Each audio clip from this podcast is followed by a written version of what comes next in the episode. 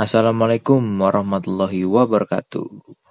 Kembali lagi bersama gue Reza Noval di podcast Kata Reza episode 16. Kali ini gue akan membahas tentang Vivo APEC 2019. Apa itu APEC? Uh, APEC ini sebuah singkatan ya. Kepanjangannya itu All Prototype Experience kayak gitu ya. Jadi ini adalah sebuah handphone yang tidak dijual, tapi fungsinya adalah tempat Vivo memamerkan teknologi baru yang mereka punya. Sebenarnya handphone APEC ini bukan handphone baru karena satu tahun, satu dua tahun belakangan sudah beberapa seri APEC yang keluar dan ya itu handphone ini tidak dijual, jadi handphone ini ada hanya untuk tempat pamer teknologi baru dari Vivo. Sorry sebelumnya gue gue nyebutnya APEC karena emang lebih enak ngomong APEC untuk lidah lidah gue ya. Jadi gue akan sebut handphone ini Vivo APEC 2019. Mengutip dari artikel kompas.com yang datang di acara launchingnya ya jadi Vivo memperkenalkan konsep APEC 2019 di Indonesia nih.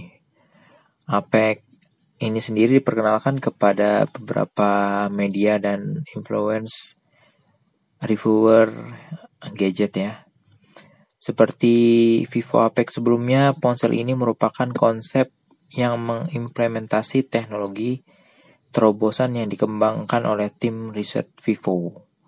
Inovasi yang diusung APEC 2019 terbilang unik nih karena tidak ditemukan tombol fisik dan lubang apa pun di keseluruhan bodi ponsel.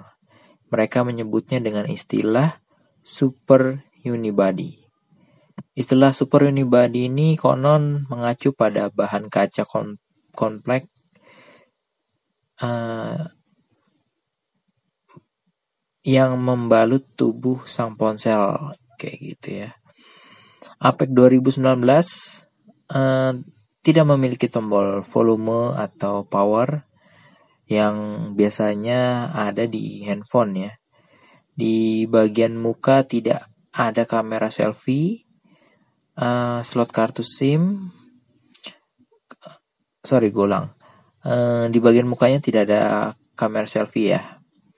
Kemudian slot kartu SIM, konektor USB, hingga grill speaker dan jack audio juga absen ya di ponsel ini. Jadi APEC 2019 memang fokusnya lebih kepada inti dari ponsel itu sendiri, yakni ada di layar. Itu merupakan pendapat atau keterangan dari senior product manager PT Vivo Mobile Indonesia. Ia menambahkan konsep Vivo APEC 2019 sebenarnya lebih mengutamakan desain yang stylish. Meski demikian, tidak ada tombol bukan berarti ponsel tidak bisa dioperasikan. Semua kendali lewat sentuhan. Maksudnya apa? Untuk menggantikan fungsi tombol, Vivo menggunakan kombinasi sensor tekanan atau pressure sensor dan sentuhan kapasitif capacitive touch ya, yang disebut dengan touch sensitive. Oh sorry, touch sense. Teknologi tersebut berfungsi untuk meningkatkan kemampuan kemampuan sentuhan pada panel daya dan volume. Jadi sederhananya tombol fisik digantikan panel sentuh untuk mengoperasikan volume dan power power buttonnya ya. Untuk speaker, Vivo menanamkannya di dalam body lewat mm, body casting sound technology. Mereka nyebut kayak gitu.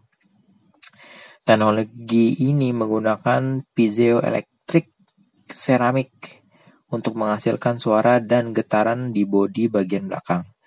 Tidak hanya mentransfer suara, Metode serupa juga bisa menyerap suara untuk menggantikan fungsi mikrofon. Oke. Okay. Kemudian pemindai sidik jari di seluruh layar. Oke. Vivo juga mempercanggih teknologi pemindai sidik jari dalam layar yang dipopulerkannya dulu ya. Jadi jika sebelumnya area pemindai sidik jari hanya berada terbatas di satu titik di dalam raya, layar,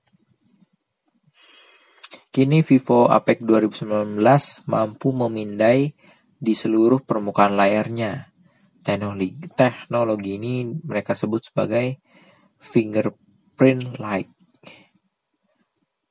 Uh, artinya pengguna bisa membuka kunci ponsel Vivo Apec 2019 dengan sangat mudah.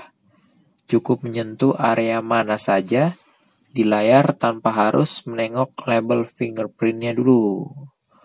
Konektor USB digantikan oleh MacPort ya istilahnya MacPort oh sorry MacPort aduh ribet deh yang tersemat di punggung bagian bawah untuk mengisi daya dan transfer data.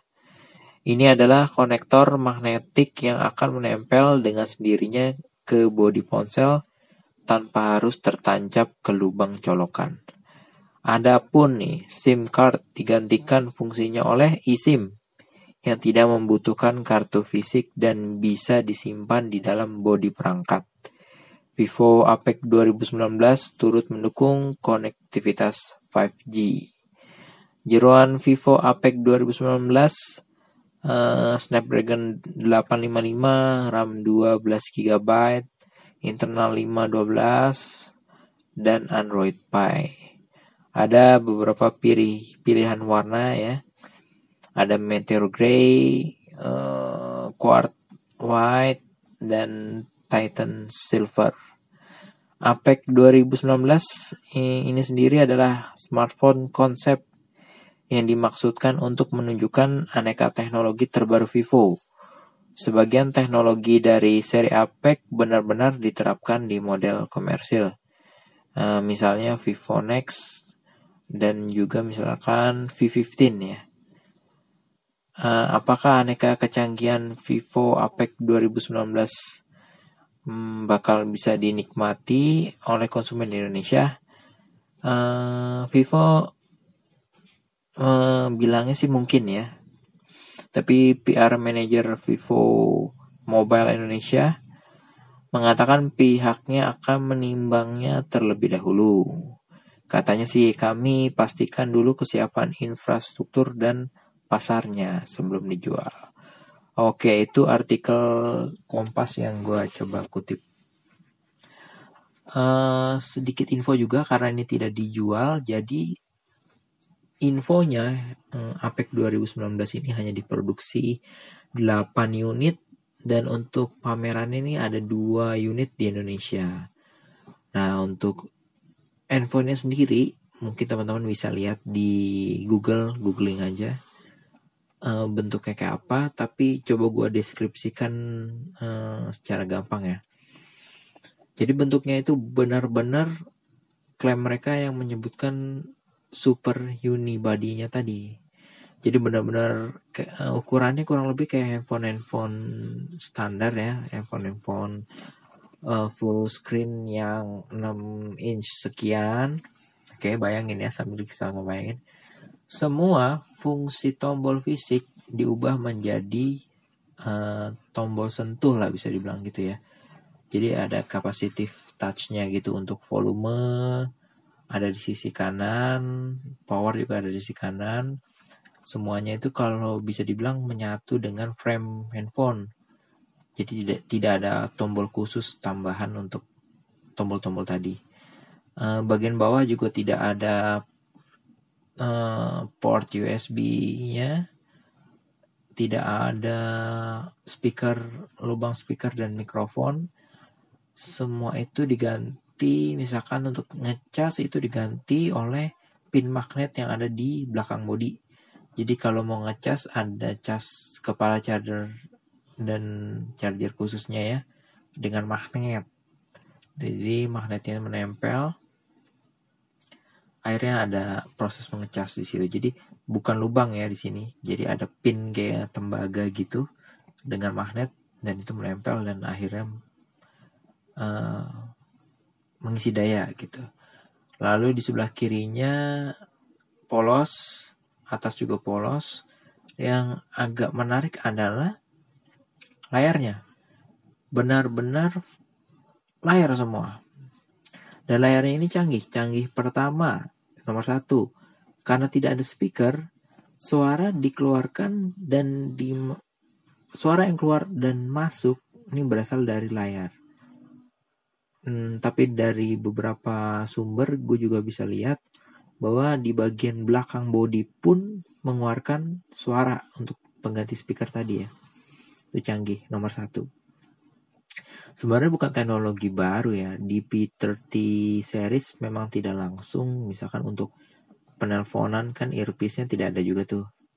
Itu pun juga berasal dari layar gitu. Jadi teknologi sederhananya sebenarnya suara itu kan sebuah getaran ya entah itu getaran mau disalurkan lewat apa tapi ini disalurkan lewat layar atau body tapi prinsipnya asal ada tetap ada getaran sih bisa lah kayak gitu itu canggih nomor satu ya layarnya. Ternyata layarnya juga punya kecanggihan nomor dua. Fingerprintnya. Agak hmm, bukan barang baru karena gue udah pernah lihat prototipe Xiaomi juga kayak gini. Jadi untuk kebutuhan unlock dengan fingerprint uh, sekarang bisa di layar dan di sisi layar mana pun kayak gitu. Hmm, memudahkan harusnya ya. Lebih memudahkan kita untuk uh, menggunakan fingerprint di layar. Karena beberapa handphone sebelumnya yang sudah dijual di Indonesia itu kita harus benar-benar punya effort lebih ya. Entah pertama memang masih lemot kedua memang harus presisi untuk membuka dengan fingerprint. Tapi dengan teknologi baru yang sudah ditunjukkan oleh Vivo Apec ini terlihat bahwa kita bisa unlock satunya. Bisa unlock di fingerprint di layar di sisi mana pun kayak gitu. Hebat. Kamera hmm, kayaknya memang fokus Apec tahun ini fitur-fitur kayak tadi ya yang masalah super unibody dan layarnya. Jadi eh, karena ini prototype contohnya Apec tahun lalu booming dengan pop-up kamera ternyata untuk dijual resminya di Indonesia masuk dalam bentuk Vivo V15 kayak gitu. Jadi jangan berharap apa-apa dari Apec ini. Jadi benar-benar pure kita lihat kira-kira Vivo punya apa yang baru. Wah sebentar lagi akan ada di handphone-handphone mungkin V series berikutnya kayak gitu ya. Dari beberapa kecanggihan itu sih gue ngelihatnya dalam waktu dekat kayaknya sih kemampuan fingerprint di segala sisi layar tuh kayaknya oke okay juga sih. Akan sepertinya akan segera diadopsi di handphone-handphone Vivo yang dijual di Indonesia. Tapi ya tadi udah gue kutip juga dari Kompas, PR manajernya juga belum bisa memastikan itu. Jadi ya kita tunggu aja gebrakan apa yang akan diberikan Vivo. Tapi ngomongin gebrakan, hmm, hebat. Vivo itu luar biasa sih. Tapi cuma satu mungkin yang secara pribadi gue kurang suka ya itu user interface uh, Vivo ya itu mungkin um, gue pribadi sih membuat secanggih apa pun handphone Vivo um, tapi nanti aja deh kayak gitu ya tapi bisa sih bisa diakalin teman-teman bisa download launcher lain untuk mempercantik ya user interface handphone kalian Oke, mungkin itu yang bisa gue sharing tentang Vivo Apec 2019. Ingat ya, ini Vivo All Prototype Experience. Jadi handphone ini hadir untuk memberikan pengalaman uh, teknologi baru yang ada di Vivo. Terima kasih udah dengerin. Semoga kita berjumpa di lain waktu. Oh ya, untuk teman-teman yang mau nanya minta uh, referensi konsultasi tentang dunia gadget terutama handphone bisa hubungi gue di media sosial yang udah gue cantumin di deskripsi podcast. Oke. Sekali lagi gue ucapin terima kasih sudah dengerin. Uh, selamat beristirahat. Uh, wassalamualaikum. The podcast you just heard was made using Anchor. Ever thought about making your own podcast? Anchor makes it really easy for anyone to get started. It's a one stop shop for recording, hosting, and distributing podcasts. Best of all, it's 100% free. Sign up now at anchor.fm slash new. That's anchor.fm slash new to get started.